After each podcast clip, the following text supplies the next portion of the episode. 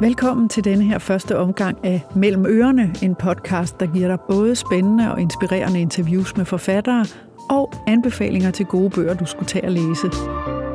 Jeg hedder Cecilie Fryg her, og jeg har hver gang flere gæster, der alle taler om det samme emne, men fra forskellige vinkler. I dag handler det om noget, som er blevet meget populært, og som flere og flere danskere gør, nemlig at gå. Og der er mange gode grunde til at sætte den ene fod foran den anden – Bare spørg Gitte Holse, som er min første gæst i dag. Hun gik sig ud af en livskrise over 4.000 km gennem USA, og hun har skrevet bogen Jeg lever om sin tur. Jeg taler blandt andet med hende om, hvad den vandring har gjort ved hendes bekymringer. Overlæge Bente Klarlund er min næste gæst, og hun var med egne ord nærmest kropsdoven, til hun var midt i 40'erne. Men nu går hun hver dag, og hun ved alt om, hvad det gør af gode ting med vores krop og vores sind og gå ture – hun skriver også bøger om det, så hvis du nemt og gratis vil booste dit liv, så lyt med, når lægen uden løftede pegefinger giver dig en masse grunde til at tage de gode skridt.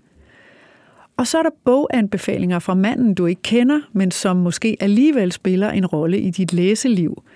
For når du i appen kan se månedens bøger, weekendanbefalinger, ugens udvalgte og nye temaer, så er det ham, der har valgt det ud til dig. Han hedder Tyge Brink, og han ved virkelig meget om bøger og hvad der rører sig i den verden. Så glæd dig til at møde ham, når han deler ud af sin viden og giver tips til gode bøger. Og hvis du vil vide lidt mere om fænomenet at gå, så har jeg samlet en lille bunke sjov viden om det. Det ligger sidst i podcasten. Der kommer en ny podcast hver anden fredag, og du kan høre den ud i et stræk, eller du kan gå ind og klikke på de enkelte afsnit og tage en ting ad gangen. Uanset hvad, velkommen til Mellemørene.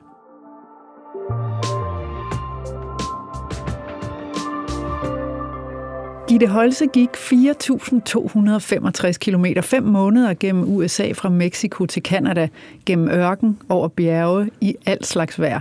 Hun gik og gik og gik fra et liv i Danmark, som hun ikke kunne holde ud, og hun gik for at finde ro og en ny retning i sin tilværelse. Velkommen, Gitte. Tak skal du have.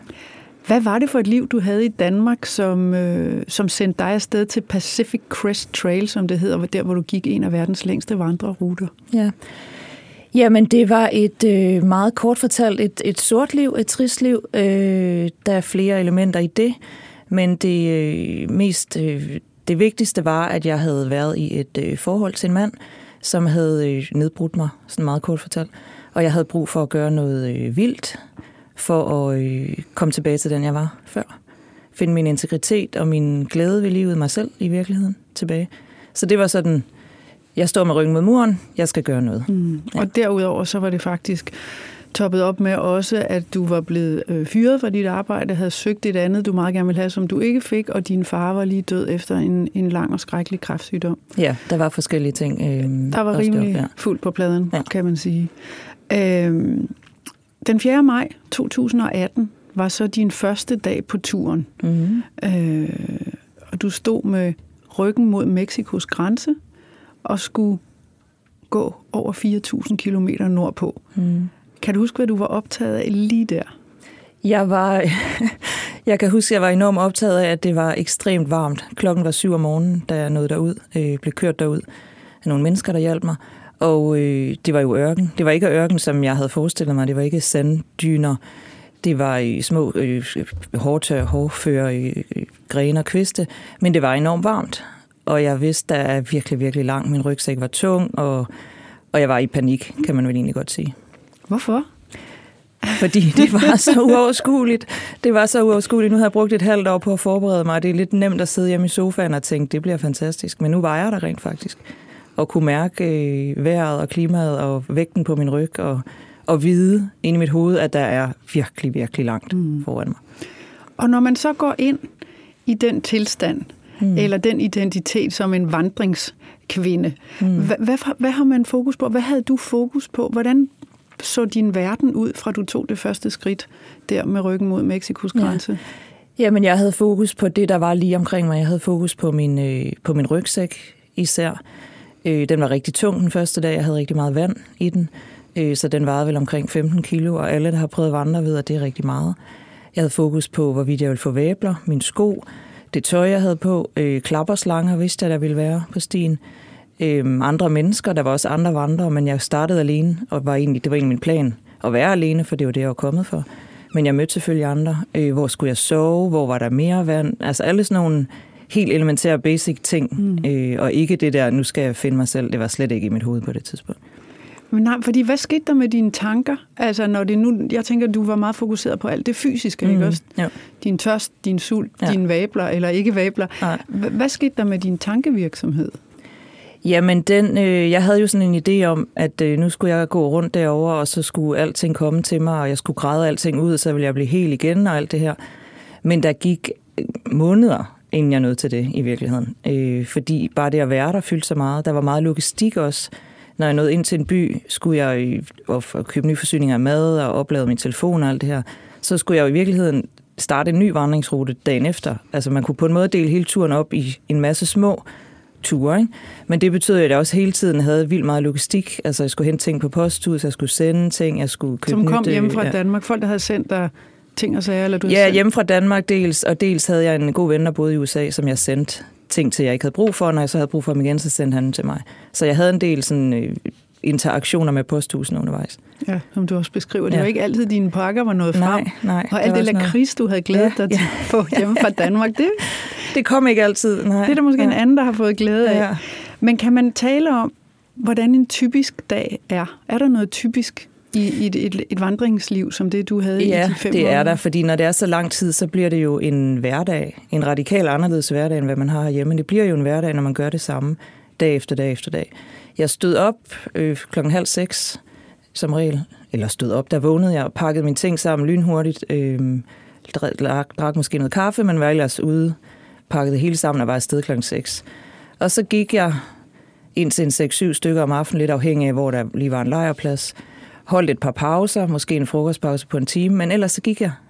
Gik og gik og gik. Øh, så de dage, jeg kom ind til en by, det var jo glædesdage, fordi så var der en kold øl, der var et bad og alt det her, som der kunne gå 4, 5, 8 dage imellem. Så de dage var sådan nogle juhu-dage. Men ellers, altså når jeg var derude, op der tidligt, og så bare afsted. Og, og hvad laver man så, mens man går? Man tænker, eller jeg hørte nogle lydbøger. Jeg hørte omkring, har jeg talt sammen, cirka 10 lydbøger. Øh, og det gjorde jeg meget i virkeligheden hen mod slutningen af turen, hvor jeg gik enormt meget i skov. Jeg tror, jeg talte sammen, jeg gik 1600 km i skov. Og altså, træer ligner hinanden rimelig hurtigt. Altså, man skal ikke gå mange kilometer i virkeligheden, for et, et træ ligner et træ. Så det kunne godt blive lidt monoton, og der var det så, jeg tænkte, okay, jeg lyver lydbøger. Men ellers, nogle gange hørte jeg musik, og det fik jeg nogle, jeg skrev en blog undervejs, så der var nogle læsere, der skrev til mig, at det ikke meningen, man skal være i sig selv, når man er derude. Kan man godt høre musik, men for mig var musik en underlægnings... Altså det gav en ekstra dimension af, hvor stort det var at være der. Afhængig af, hvad jeg hørte selvfølgelig. Men, men der kunne godt være noget Kim Larsen eller noget Maria K. Og jeg hørte virkelig også virkelig meget countrymusik, som jeg normalt ikke hører, men det gjorde jeg der, fordi det gav en, en ekstra stemning til det hele. Og, og hvad betød det, tror du, at du gik? Altså du red ikke, du sejlede ikke, du cyklede ikke, du løb ikke, du gik? Jeg gik. Jamen, øhm, for mig var det den måde at bevæge sig på, at bevæge sig så langsomt gennem noget, øh, giver på en eller anden måde, at det er en terapi. Altså, ja, det er jo ikke en hemmelighed, at der er terapi i at gå også bare herhjemme inde i byen, en tur i fældeparken eller et eller andet. Men det der med at gå, og benene bare efterhånden bare bevæger sig af sig selv. I starten skulle jeg, havde jeg meget fokus på, okay, får jeg nu en væbel, når jeg sætter foden ned.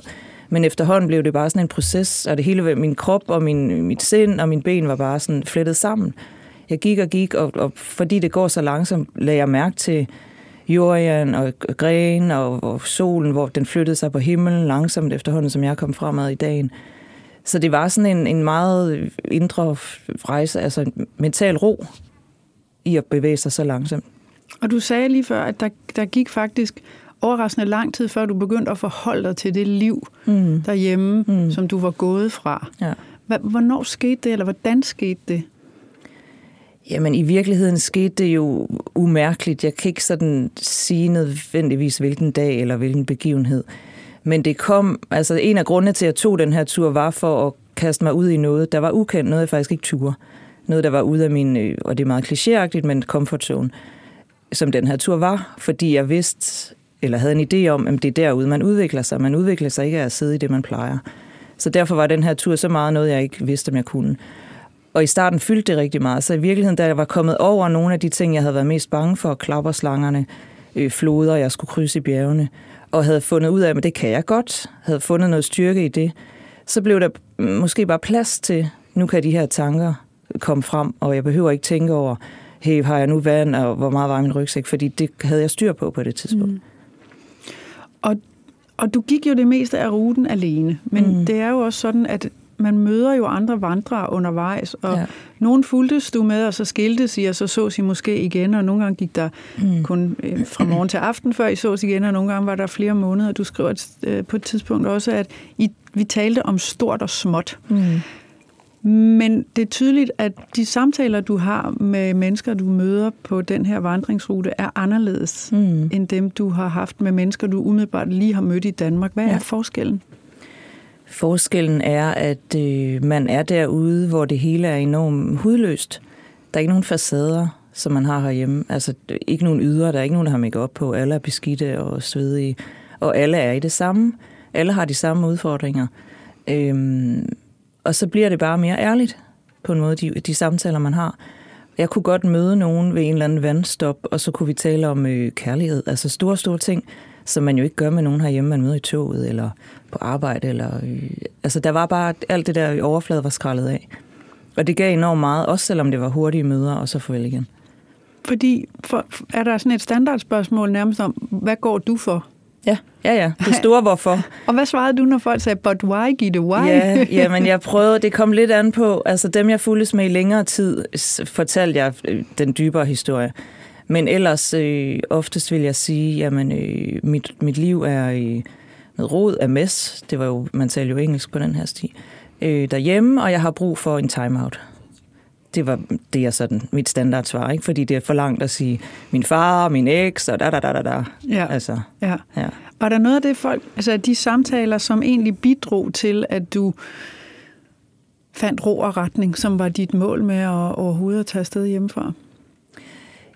Ja, det synes jeg. Øh, jeg mødte en, en, jeg mødte mange, men jeg mødte blandt andet en amerikansk kvinde, som nok er det, man vil betegne som hippie.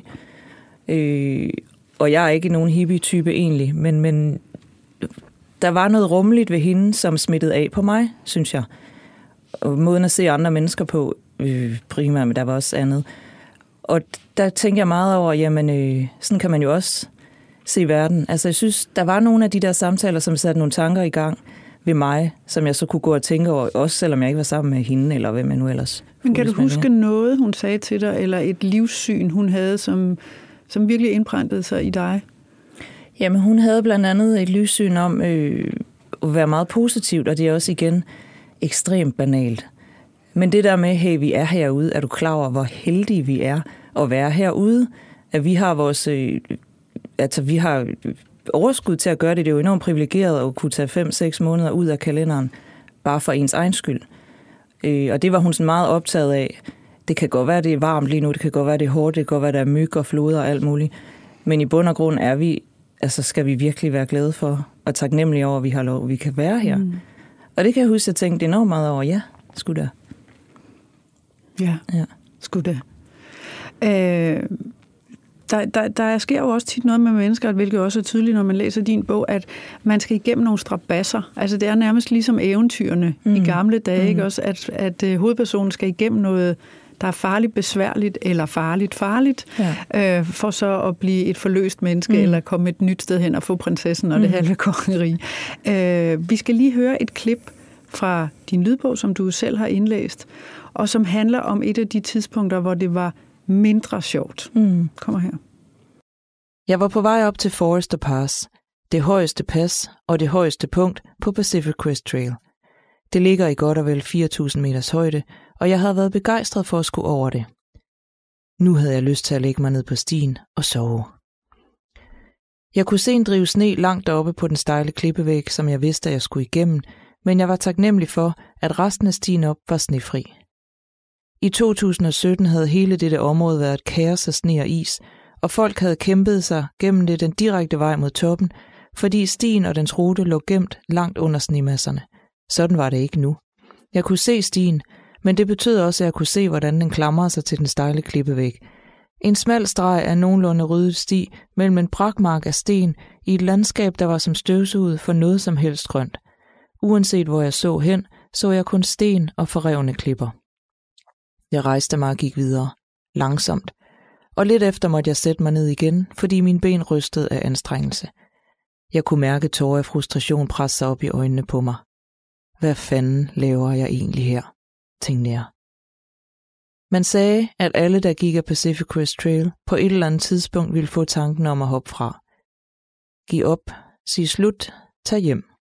At alle på et eller andet tidspunkt ville føle, at det var for hårdt, for kedeligt, for ukomfortabel, for dyrt, for alt muligt, som blev for meget for den enkelte. Jeg havde i de sidste næsten syv uger ikke haft det sådan, men nu poppede tanken op i min bevidsthed. Hvor ville det da egentlig være rart at sidde hjemme i min sofa og bare læse om nogen, der kæmpede sig op mod Forrester Pass. Jeg lænede mig frem, støttede mig til min vandrestave, mens jeg lå hovedet hænge ned mellem benene. Solen bagte i nakken på mig, og jeg kunne høre nogle sten rulle under vægten af Emily, der langsomt kom op ad stien mod mig. Fuck, sagde hun, da hun nåede mig og langsomt lød sig dumpe ned på en sten ved siden af mig. Jeg sagde ikke noget. Sad bare. Min vejrtrækning var stadig anstrengt, og min rygsæk, som jeg ikke havde orket at tage af, hang tungt på ryggen af mig. Embrace the trail. Af en eller anden grund kom jeg til at tænke på Mads, ham den irriterende, der på en af de første dage nede i ørkenen havde sagt det. Accepter det, der er. Det her var det, der var. En ond opstigning. Som jeg var tvunget til at acceptere. Jeg kunne ikke komme væk herfra, medmindre jeg gik tilbage, hvor jeg kom fra, og det ville jeg heller ikke. med nej, sagde jeg vredt til mig selv. Tag dig sammen. Du er her for at gøre det her. For at vise dig selv, at du godt kan. Udtrykket her, embrace the trail, altså acceptere det, der er. Blev, blev du bedre til det undervejs? Ja, det gjorde jeg.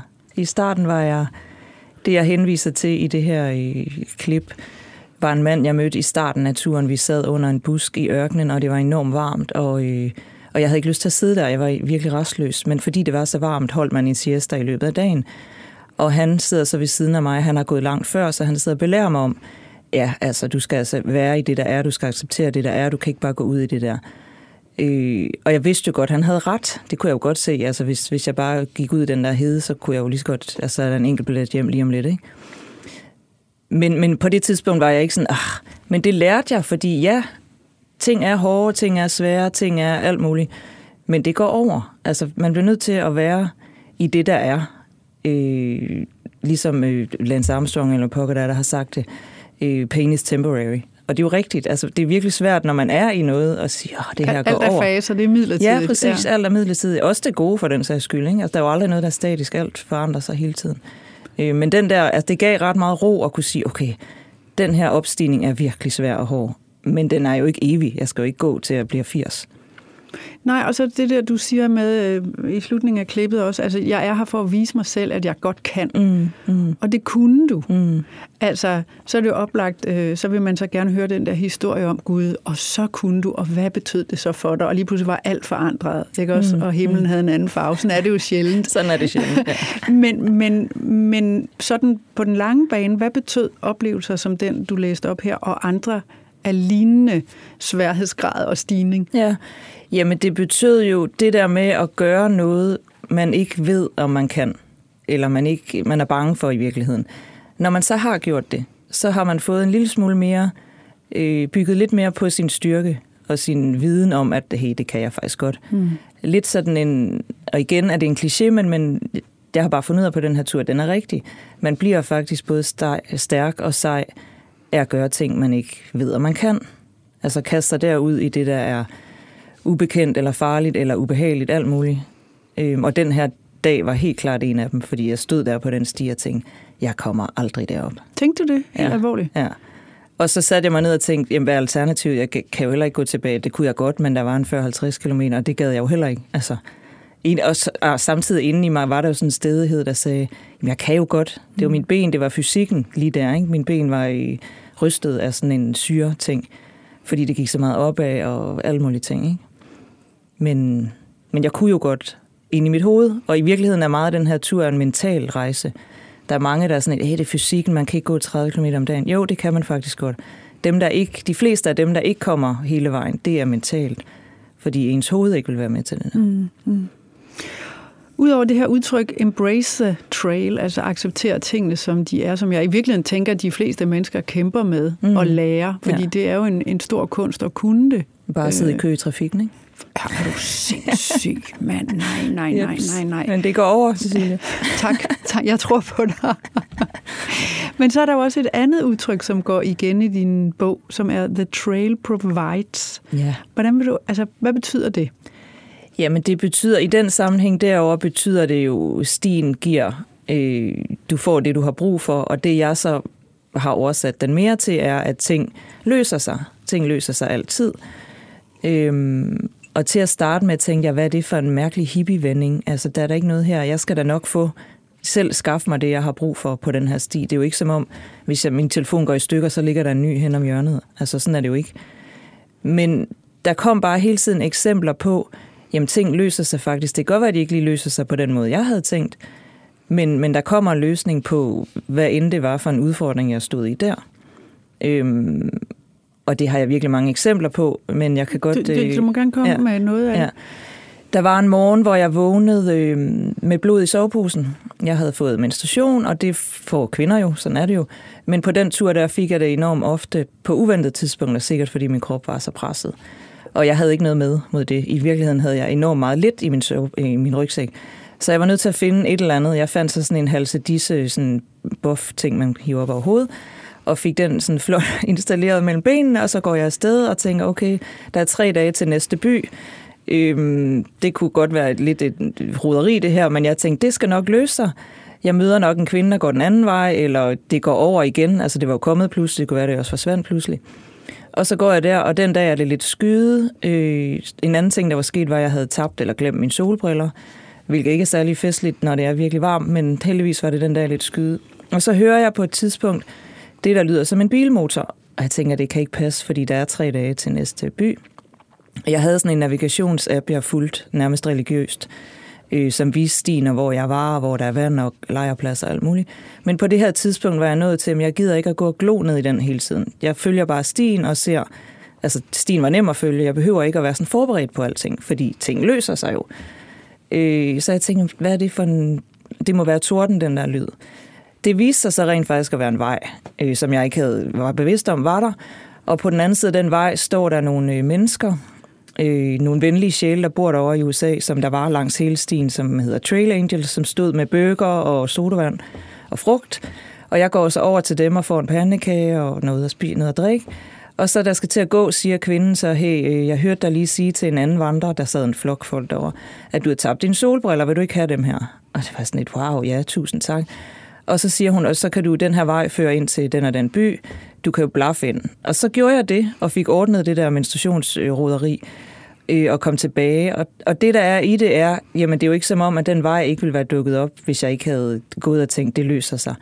Men det gav bare enormt meget ro. Mm. Ikke at gå og spekulere over, åh oh, nej, fuck, fuck, fuck, nu har jeg menstruation, da, da, da, da, da. Men bare tænke, det skal nok gå på en eller anden måde. Og det var bare et sådan eksempel på, hvordan ting sådan kom til mig, når der var noget, der var gået lidt galt. Eller... Så, der, så det er virkelig at læne sig tilbage og tænke, det er, jo en, det er en variant af den der med, at vi krydser broen, når vi kommer til ja, den, præcis. og ikke før. Ja. Vi behøver ikke at bekymre vi os Vi behøver ikke at bekymre os om alt muligt, og i starten bekymrede jeg mig. I starten stressede jeg over det, men, men efterhånden som ting jo løste sig, også de der posthus, der ikke, hvor det ikke kom frem til mig, og hvad jeg ellers øh, mødte, så løste det sig på en eller anden måde altid. Og den kan man godt oversætte til et normalt liv, synes jeg. Ja, for jeg ja. tænker, der er masser af mennesker, jeg kender det også fra mig selv, der, der bekymrer, vi bekymrer os ja. alt for tidligt. Ja. Øh, er du så, hvordan er det gået med dit øh, bekymringsgen efter den her tur? Det er kommet meget mere. Altså selvfølgelig er der stadig et tidspunkt, hvor jeg tænker, åh oh, nej, hvad, hvad, kommer der nu penge ind på kontoen, og hvad der, der, hvad der nu kan være. Ikke? Men jeg synes generelt, altså det der med at læne sig tilbage og tænke, det løser sig. At det er jeg blevet bedre til øhm, efterfølgende. Og det tænker jeg må være en stor lettelse. Egentlig. Helt vildt meget. Ja. Helt vildt meget. Ja. Altså, det har givet meget af den ro, jeg i virkeligheden kom for at finde. Jeg vidste jo ikke, jeg kommer derover og så, så bliver jeg overbevist om den her hippie-vending, at så bliver det ligesom min ledetråd eller min overbevisning her i livet. Men det, at, at den har jeg virkelig taget til mig, som en af de store ting, jeg har lært. Så vil det sige, når noget dukker op i, i bekymringshorisonten, så mm. siger du faktisk til dig selv, the ja. trail provides. Ja. Har ja, du det, det som mantra? Ja. Det må være fantastisk. Jamen, det, det synes jeg også, det er. Altså, ja. Det var jo blandt andet forholdet til din, øh, til din ekskæreste, der sendte dig afsted. Ja. At du skulle samle dig selv sammen og mm. blive dig selv igen, mm. efter at have været blevet ret splittet af, mm. af det forhold. Hvordan gik det med det, at, at få, få sat dig selv sammen på ny? Jamen det, jeg synes var, altså jeg, jeg tænkte i virkeligheden ikke ret meget på ham undervejs, øh, eller på mig. Det der med at tænke på ham, gik jeg ret hurtigt væk fra. Øh, fordi det var ikke så meget ham, det var mere, hvordan han havde påvirket mig, hvordan jeg skulle komme tilbage til mig selv igen efter det forhold. Og det var ikke sådan, jeg gik og tænkte bevidst, Nå, men nu skal jeg også, og det her, nu er min integritet, og da, da, da. Altså, det var det ikke. Det kom mere i sådan en proces, at jo flere beslutninger jeg tog selv, hvor der ikke var nogen, der dominerede eller kontrollerede eller øh, styrede min personlighed, jo mere kunne jeg mærke i mig selv, hey, jeg kan godt selv, jeg er min egen, jeg ved godt, hvad jeg vil og mener og gør og skal og ønsker mig. Hvor alt det var blevet væk i tiden med ham. Så der kom, altså, det er ikke sådan, at der var et hav af, af deciderede begivenheder, der havde med ham at gøre. Det var mere min egen. Jeg kunne mærke, at jeg byggede mig selv op mere og mere og, og fandt de der dele af mig, som han som forholdet med ham havde ødelagt. Han skriver jo til dig på et tidspunkt. Ja. Så vidt jeg husker, om han skal sende dig nogle lakridser. Ja, det gjorde han, og det var en... Øh, ja, jeg havde en blog undervejs, og der øh, dukkede der en dag en mail op fra ham. Øh, meget uventet, for der havde jeg ikke været i kontakt med ham siden ham og jeg øh, havde, var gået fra hinanden. Og jeg blev sådan helt øh, ubehagelig til mode, som om, og som jeg også skriver i bogen, som om der satte sig en gigantisk æderkop på mig. Altså sådan helt... Øh, Øh, og så brugte jeg hele den følgende dag, mens jeg gik på at tænke over, skal jeg lukke den her blog ned? Øh, fordi jeg havde ikke lyst til, at han skulle vide, hvad jeg tænkte og følte og oplevede undervejs på min tur, og især ikke, hvad der sådan kom ud af mit inderste, fordi det var det, bloggen var blevet til. Ikke bare, hey, så møder en mand, og der er ikke vand, men mere, hvordan, jeg, hvordan min reaktion var på alt det, der skete. Ikke? Og, og det, det var en blog, alle kunne kigge på? Det var en blog, alle kunne kigge på. Den var offentlig, og øh, selvom den egentlig til at starte med var blevet oprettet for min mors skyld, og mine venner. Men den, blev ofte, eller den kunne alle læse, og der var mange, der læste den, og så blandt andet lige pludselig ham. Så jeg gik sådan meget og tænkte om, skal jeg så lukke den ned? Men det havde jeg bare ikke lyst til. Jeg havde lyst til, at han skulle ikke bestemme, hvordan jeg, øh, hvad der skete med mig. Han kunne læse med alt det, han ville, men han skulle ikke have nogen indflydelse over mig. Altså, jeg kunne ikke, altså, han kan læse, hvis han vil, men hvordan jeg ville reagere på det, det kunne han ikke bestemme. Og derfor bestemte, besluttede jeg, så kører jeg den videre, og skubber ham ud af min øh, bevidsthed. Og det, lige den dag, da jeg slog til op efter at have gået de der 38 km, eller hvor meget der var den dag, og nåede frem og havde taget den beslutning, var det sådan helt, phew, altså sådan en helt lettelse. Ja, jeg kan godt bare være mig, og ikke lade ham have indflydelse på, hvordan jeg tænker og føler. Så du fik faktisk det, du var kommet for? Ja, det kan man vel godt sige, selvom det ikke var sådan en en proces, hvor der var en masse dele, jeg havde styr på for inden. Det var mere sådan en, der kom hen ad vejen. Mm. Din, øh, det, den sidste sætning, der står i din bog, det er, resten løser sig. Mm. Det er jo i virkeligheden også The Trail Provides. Ja, ja. Øh, men hvor er du nu? Altså siden du satte det punktum i bogen? Jamen nu er jeg, øh, det er næsten et halvt år siden, jeg kom hjem til Danmark, og øh, de første måneder brugte jeg på at skrive den bog, vi taler om. Og så øh, gik jeg sådan og tænkte, jamen, hvad skal jeg egentlig? Skal jeg tilbage på arbejdsmarkedet? Skal jeg have et 9-17 job igen? Eller skal jeg være freelancer, som jo egentlig var det, jeg var blevet, inden jeg tog afsted, og som jeg ikke vidste, om jeg ville? Øh, og lige nu er jeg der, at jeg ikke skal have et 9-17 job. Jeg kan ikke se mig selv i nogen øh, hvis der kommer et eller andet drømmejob farne ned fra himlen, men jeg ved ikke, hvad det skulle være, som jeg har lyst til at være i. Jeg oplevede på den her tur enormt meget frihed og mening med det hele i at være, gøre det, som jeg vil, i stedet for at være øh, bundet af noget, som egentlig gør mig frustreret og ked af det og sur. Og det, man kan jo sige med alle jobs, altså, der er altid noget rugbrød, Og det er enormt forkælet at sige, nej, jeg gider ikke have en 9-17 job. Men, men jeg tror, at jeg vil prøve ikke at have det. Prøve at forfølge det, som jeg synes er sjovt. Hvad har du så lavet, siden du kom hjem? Fordi man skal jo sådan set have til huslejen. Man skal sådan set have til huslejen, ja. Øhm, jeg har lavet noget freelance journalistik, og lige nu er der virkelig mange foredrag på vej ind. Øh, forspørgseler på foredrag om, det her, om den her bog og min tur. Og sådan som det ser ud lige nu, øhm, og det er jo i hvert fald også det, jeg siger til min mor, som bekymrer sig på mine vegne enormt meget om den øh, husleje, at det kan jeg forløbig godt leve af. Ja. Og kommer der altså, så alle mulige andre sjove undervisning og hvad der ellers øh, kommer ind, tager jeg. The trail provides. Det tror jeg på. Det skal nok løse Og så ved jeg faktisk, at du, øh, du har et nyt projekt også til sommer. Jeg har et nyt projekt. Øh, jeg skal skrive en ny bog, som handler om at gå langt mere en håndbog, ligesom de hundredvis af Sådan løber du et maratonbøger, der findes. Øh, skal skrive en bog om, sådan går du langt med kost og træning og udstyr og mental forberedelse, alle de ting, der er rigtig godt at, godt at være opmærksom på.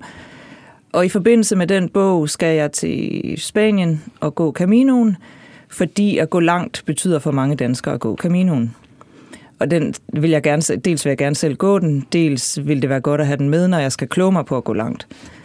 Ja. ja. Så det er, det er det næste sådan større projekt. Walk the talk. Walk the talk, yes. Gitte, det var en stor fornøjelse at have besøg af dig, og det har også været en meget stor fornøjelse at læse din bog. Mm.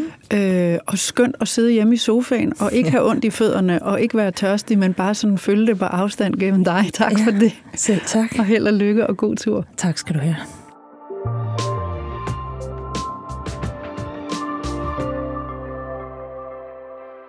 Hvis du ikke går ture, så lyt med nu og lad dig inspirere af alle de gode argumenter for at gøre det. Hvis du allerede er en, der går, så bliver du så glad for at høre, hvor godt det er, at du gør det. Og kvinden, der har styr på alle facts om gang og videnskaben i ryggen, sidder over for mig nu. Velkommen professor og overlæge Bente Klarlund og leder af Center for Aktiv Sundhed på Rigshospitalet. Du har skrevet øh, en bog, der hedder Gå-bogen, Gå, så går det nok. Men inden vi dykker ned i den, så skal vi selvfølgelig lige begynde med dig selv. Ja, ja. Fordi du skriver faktisk i bogen, jeg var vel nærmest kropsdoven som yngre. Jamen, det er fuldstændig rigtigt. Altså, det meste af mig, det er oppe i hovedet, og, og jeg vil nok hellere ligge på sofaen og læse en god bog og drikke et glas rødvin. Så, så skete der det, at min øh, forskning den førte mig øh, fra immunologi ind i, hvordan påvirker fysisk aktivitet immunsystemet. Og pludselig så stod jeg på konferencer, hvor alle talte om, hvor fantastisk øh, vigtigt det er at være fysisk aktiv. Og så skete der det, at jeg blev øh, overbevist af data. Øh, jeg synes simpelthen, at det var fantastisk, at man kunne opnå så meget sundhed og helbredelse ved at begynde at sætte det ene ben foran det andet. Og hvor gammel var du, da du så lod dig overbevise, og lod dig overbevise af, at videnskaben måske vidste noget, du ikke selv havde fanget endnu? Ja, jeg blev øh, overbevist af videnskabelige data med hensyn til det med at gå, øh, da jeg var i 40'erne. Okay.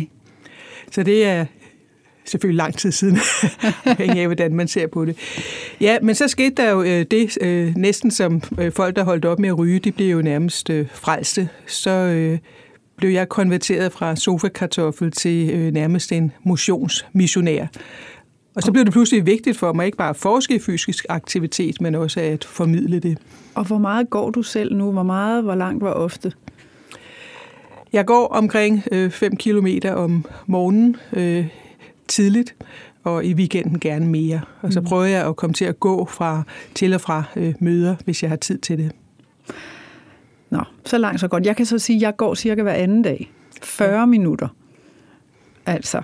Så øh, jeg tænker nogle gange, at man måske skal gå hver dag, men det kommer hen ad vejen. Det kommer hen ad vejen. Kan man godt sige det sådan? Det kan man godt sige.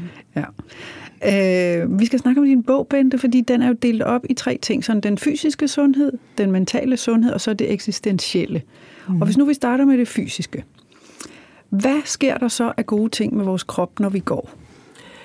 Jamen, når du begynder at gå, så øh, optager du for eksempel sukker i musklerne, og du øh, øger øh, insulins følsomhed i musklerne.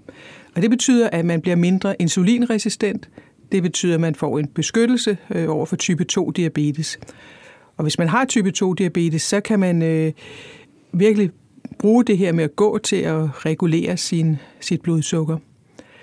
Der er omkring 35 forskellige sygdomme, øh, som man kan øh, forebygge ved at begynde at gå.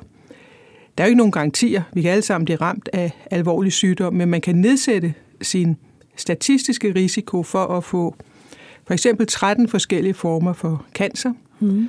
øh, for knogleskørhed, for hjertekarsygdom.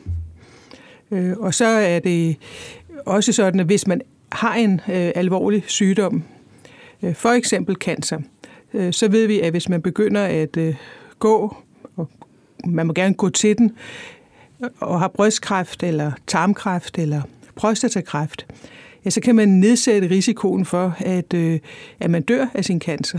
At man kan nedsætte risikoen for, hvis man er blevet helbredt, at den kommer igen. Simpelthen ved at gå? Ja, det der sker, det er, at musklerne laver øh, øh, nogle stoffer, der kommer ind i blodet, og når man begynder at gå og få pulsen op, øh, så kommer adrenalin også op, og det kalder sig på øh, nogle dræberceller i blodet, øh, som går hen til tumor og simpelthen slår den her tumor ned. Og kræver det så, at man går vanvittigt stærkt, så sveden springer, eller kan det også være bare øh, helt almindelig gang? Altså, hvor meget skal der til, før alle de der positive effekter, du taler om, ligesom øh, sætter ind? Der er sådan en dosis-responskurve, øh, kan man sige. Så øh, lidt er altid bedre end ingenting. Hvis man gerne vil have den optimale effekt, så skal man prøve at gå øh, mere og mere, og man må gerne gå på en sådan måde, at man får pulsen op ind imellem. Mm. Og er der noget krav til, at man, det skal minimum være 10 minutter eller 20 minutter? Eller? Vi har jo de her anbefalinger i Danmark om øh, mindst 30 øh, minutters frisk gang øh, hver dag. De, eller i hvert fald de fleste af ugens dage. Og der har man ganske markant effekt på hjertesygdom, cancer og alle de her store sygdomme. Men det er faktisk sådan, at der er kommet øh, ret frisk forskning, der viser, at øh, 15 minutter om dagen, det gør også en forskel. Mm. Øh, så det er jo altså ligesom det, som jeg er helt vild med og, og, og ved, at, ved at gå. En ting er alt det gode, det gør for mig selv på alle mulige planer. Men det er altså også, at hvis man næsten ikke orker noget, og måske fuldstændig sådan er ved at opgive overhovedet at være aktiv, fordi man kan ikke se sig selv i et fitnesscenter, eller på en løbetur, eller og maratonløberne, de tager ligesom troen fra en, så kan man måske begynde at sætte det ene ben foran det andet. Og ja, lidt er bedre end ingenting. Jeg blev så glad, øh, da jeg så forsiden af din bog. Jeg har den liggende her. Fordi der står faktisk at på forsiden her, at gå gør dig stærk, sund og slank, kreativ og klog, mindre syg, trist og stresset. Og så står der forskningsmæssigt dokumenteret. Mm. Det, det synes jeg jo er en helt fantastisk pakke. Ja. Øhm, og hvis vi nu går fra det fysiske og over i det mentale, ja. hvad er der så at gevinst at hente der? Altså du siger mindre trist og stresset.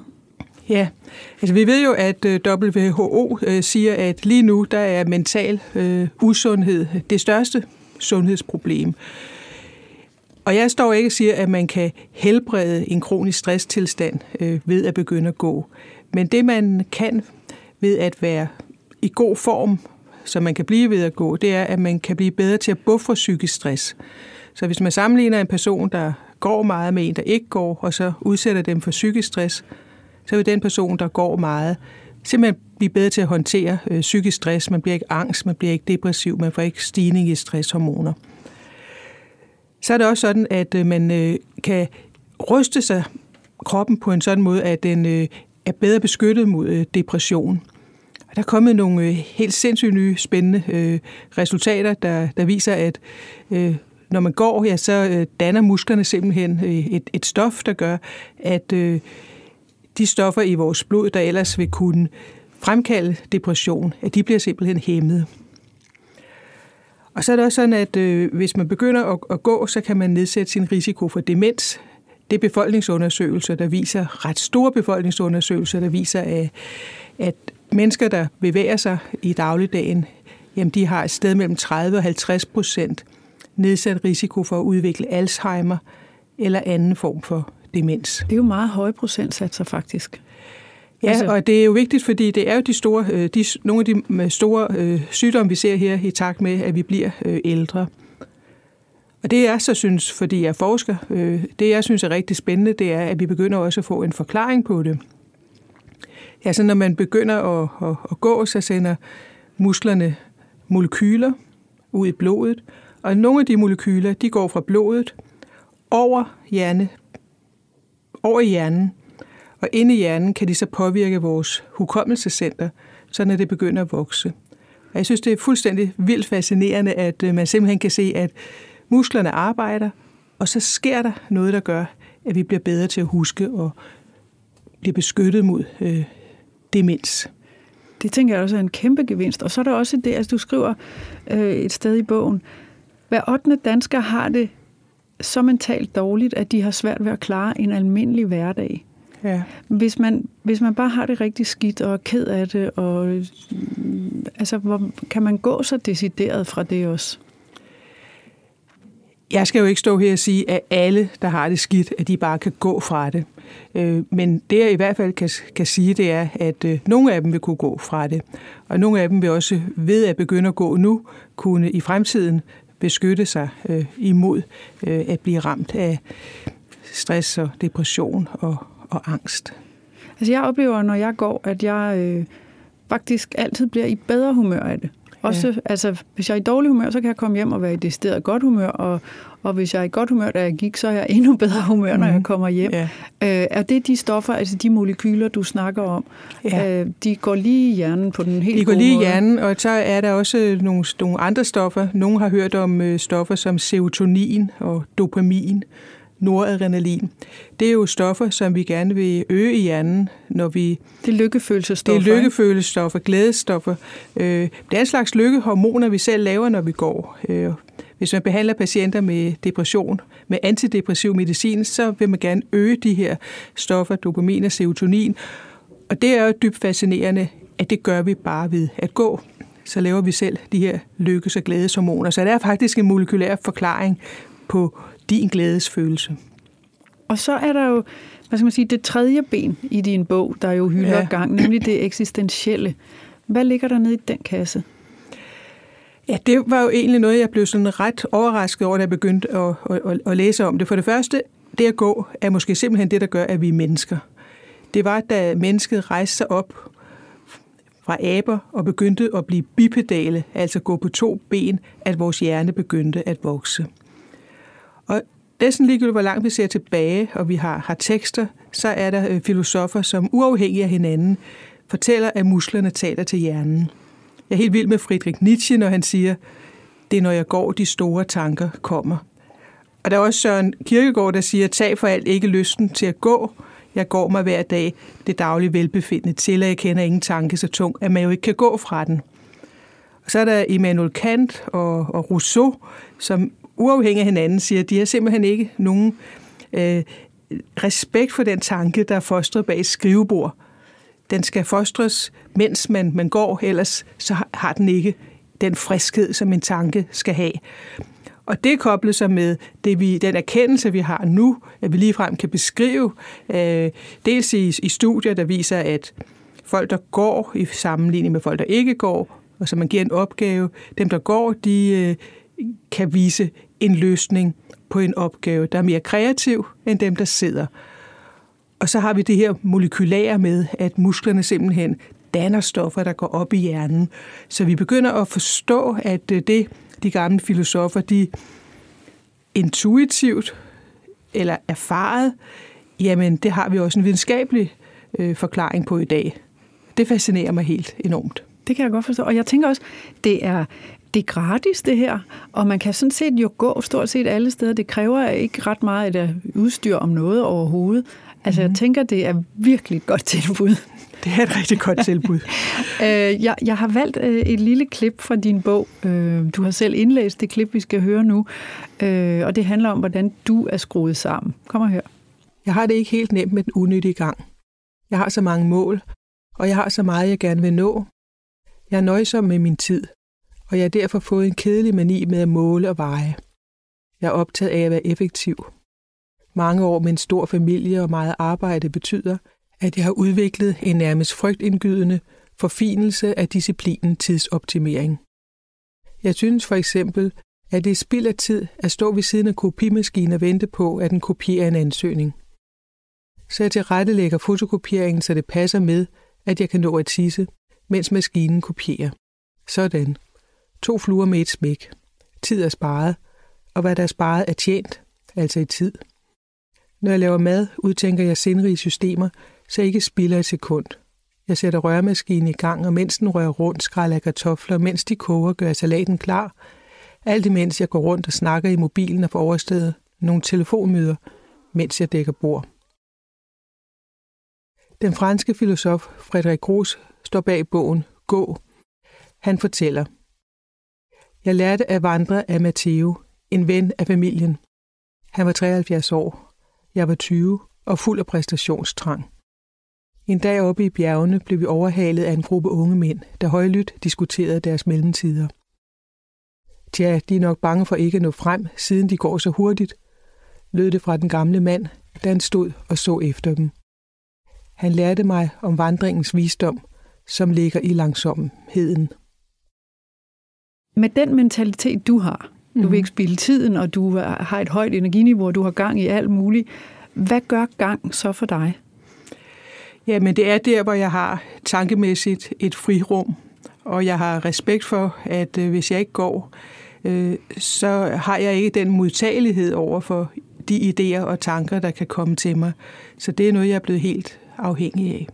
Så din øh, medfødte, kan man sige, eller iboende kropsdovenhed, den, øh, den kan du altså godt lade blive hjemme i sofaen, og du kommer faktisk afsted hver dag. Jeg kommer faktisk afsted. Både overbevise data, og fordi jeg har en erfaring med, at det gør mig godt. Tak fordi du kom, Bente. Og tak god for tur. muligheden.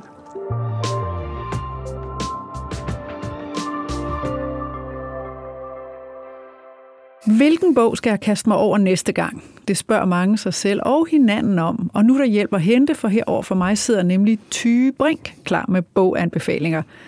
Velkommen, Tyge. Mange tak. Og jeg tænker, man kan jo faktisk næsten kalde dig Mr. Mofibo. Vil du ikke lige fortælle, hvordan du guider og hjælper alle Mofibo-brugerne? Altså, jeg bygger vores forside, så jeg prøver at lave en forside, der gør, at lige meget hvem du er, når du åbner appen, bør der være en genre, du tænker, den er udvalgt specielt til mig. Og du udvælger jo faktisk alt, hvad der udvælges kan på Mofibo, er det ikke rigtigt? Jo, det er, det er mig, der sådan dykker ned i det der kæmpe hav af, af bøger, der kommer hele tiden, og prøver at fiske de interessante op og lægge dem, så de er til at få øje på for vores brugere. Så månedens bøger og weekendanbefalinger og nye temaer og sådan noget, når man møder det på sin app, så er du manden bag. Så er jeg manden bag, ja. Og du er jo, hvis vi lige skal præsentere dig ordentligt her i den første podcast, hvor vi to mødes, så er du sådan kludetæppet uddannet. Du har både læst historie og nordisk filologi, og du har også gået lidt på journalisthøjskolen. Du har været 10 år i Gyldendals Bogklub. Du har været de seneste tre år hos Mofibo. Så øh, som du selv nævnte, altså det store boghav, der er du vores ø-tyge. Ja, og det, det, det, tager, det, det kan jeg jo godt lide at være. Jeg synes jo, det er en ren luksus at have et kæmpe, kæmpe udvalg at vælge imellem, så man hele tiden kan finde, fordi der udkommer bøger for alle. Så det er jo, udfordringen er at finde dem og præsentere dem, så, så vi hjælper vores brugere med at, at få en god læse- eller lytteoplevelse. Og, og bare som tillægsoplysning, så kan jeg jo sige, udover at du præsenterer bøger, så præsenterer du jo også dig selv på en, på en meget velklædt måde. Tak. Altså, måske vil du lige beskrive, hvordan du ser ud i dag? Jamen, i dag har jeg som altid en ensfarvet skjorte, en slipover, det er sådan en V-udskæringssvætter, men uden ærmer. Det er, øhm, og så har jeg ternet bukser, ja. hjemmestrikket strømper, og i dag er det så en kondisko. Men, øhm, og jeg... din skjorte er lyserød, skal vi sige, og din slipover er grå. Ja. Og, og det her blik for, for påklædning og velklædthed, hvor har du den fra?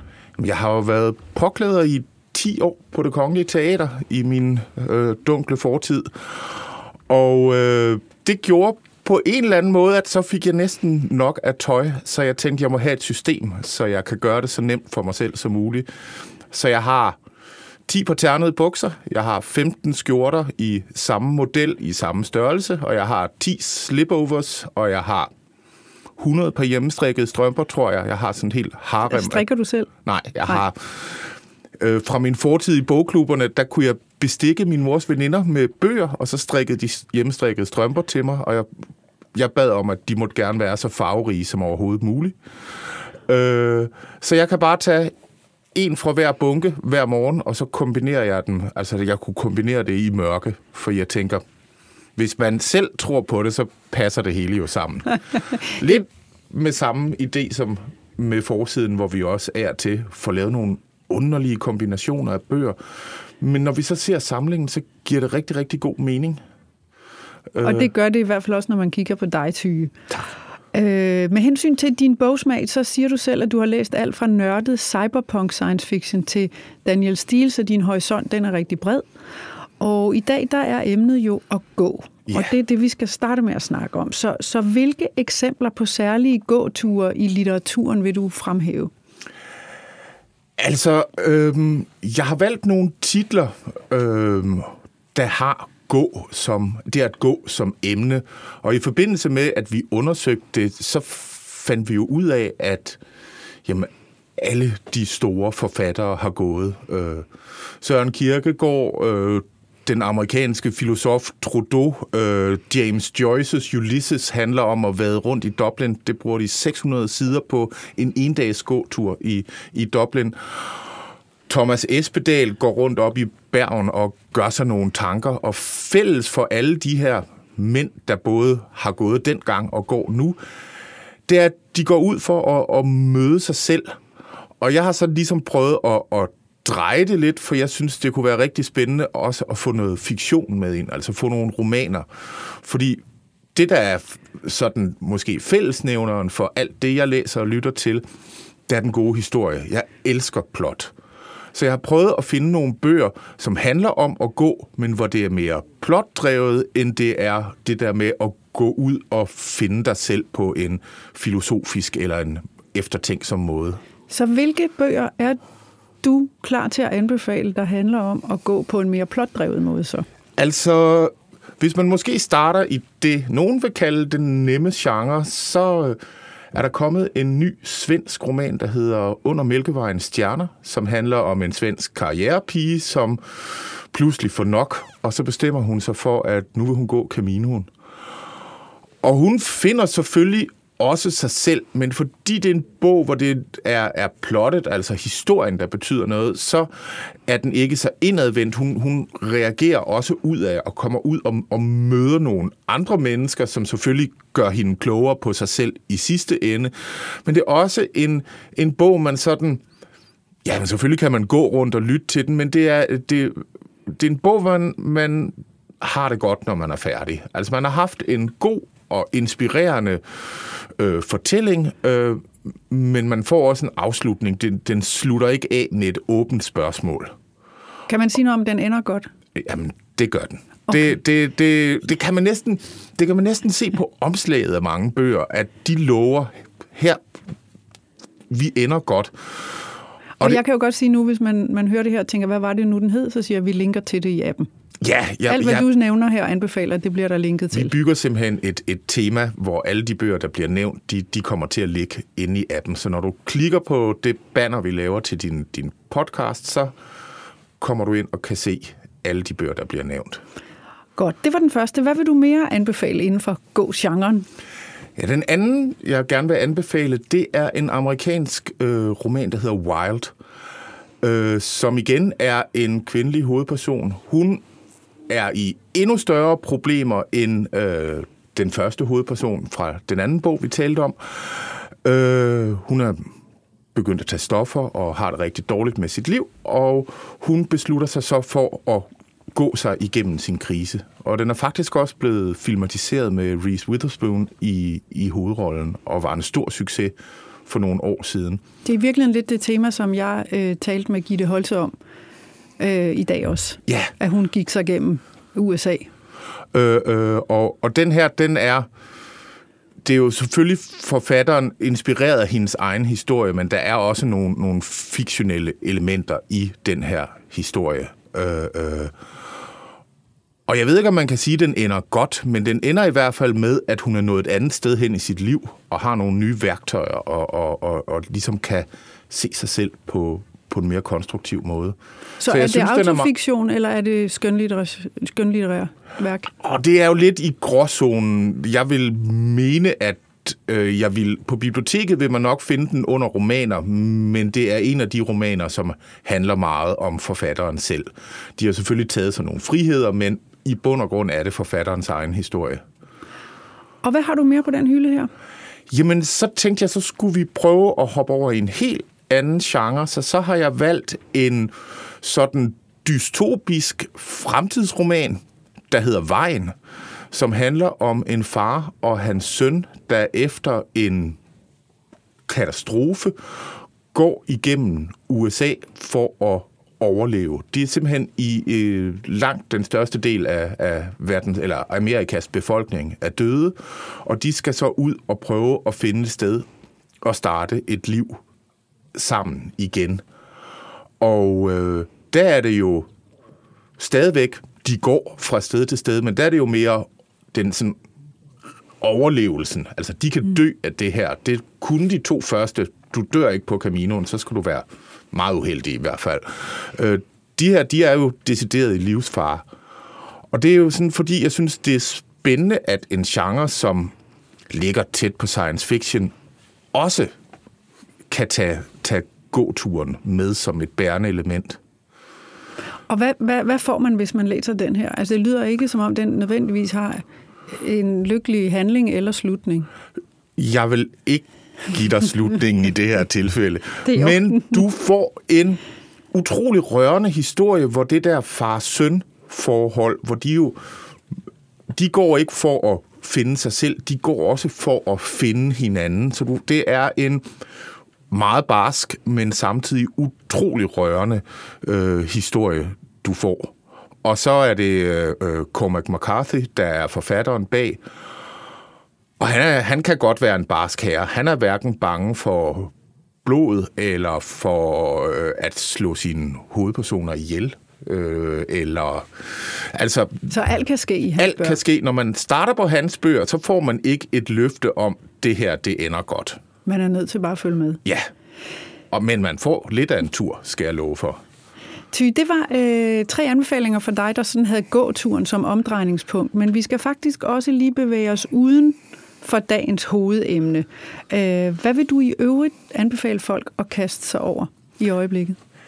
Jamen, øh, jeg synes, at jeg kan se, at vi har rigtig mange brugere, der er glade for biografier, altså glade for, for livshistorier. Og det er jo i alle mulige forskellige genrer inden for biografien. Og det er en overordnet genre, som er virkelig godt egnet til lyd. Hvis du ikke har den store erfaring med at lytte til lydbøger, så er biografierne et godt sted at starte. Hvorfor? Jamen det er fordi, det er den personlige historie. Det er ligesom det der radiointerview, der aldrig slutter. Så hvis du tager en bog om en person, du er interesseret i, så kommer du helt, så får du lov til, i stedet for at lytte til en halv time om personen, får du lov til at lytte til 8, 10, 12, alt efter hvor lang øh, øh, historien er. Og, og der kan vi se, at det er folk meget interesseret i. Der er jo selvfølgelig alle kendisbiografierne, hvor man får lov til at komme med fra børneværelset, øh, hvor Preben Christensen øver sig i at, at blive en kommende skuespiller. Øh, men det er også øh, ham med den svære baggrund, som så som ung øh, bliver medlem af en bande eller en rockergruppe, som også fortæller sin biografi. Eller øh, det kan være store musikere eller videnskabsmænd, eller helt almindelige mennesker, som har været igennem en situation, hvor de vurderer, min historie kan være med til at inspirere andre til at kigge på deres eget liv. Er der nogle særlige biografier, du vil anbefale her på falderæbet? Øhm, ja. Jeg synes, Preben Christensen indlæser sin egen biografi, Husk at være glad, helt fantastisk godt. Man, man har lidt på fornemmelsen, at man har den luksus, at man sidder lige over for Preben Christensen, der fortæller en sin livshistorie og tager sig tiden til det. Øh, hvis man har mod på at hoppe ud på en, i en engelsk bog, så Bruce Springsteen har med sin karakteristiske hæse stemme indlæst sin egen øh, biografi, der hedder Born to Run. Den kan jeg også anbefale. Øh, jamen, I det hele taget, øh, øh, så har vi mange biografitemaer inde på forsiden, og så det, jeg egentlig bund og grund vil anbefale, er, find en person, du er interesseret i, og prøv at søge på navnet inde i øh, vores app, fordi det er utroligt så mange, der har ville fortælle deres historie, uden at blive forstyrret. Og det er jo det, biografien kan. Der er der ikke et ur, der tigger i baggrunden. Der har de alt den plads til at, at få fortalt deres historie, som, som øh, de har lyst til at bruge. Tak, Ty. Der er jo flere anbefalinger for dig om 14 dage, når den næste podcast kommer. Ha' det godt indtil da. Tak, og i lige måde. Tak skal du have.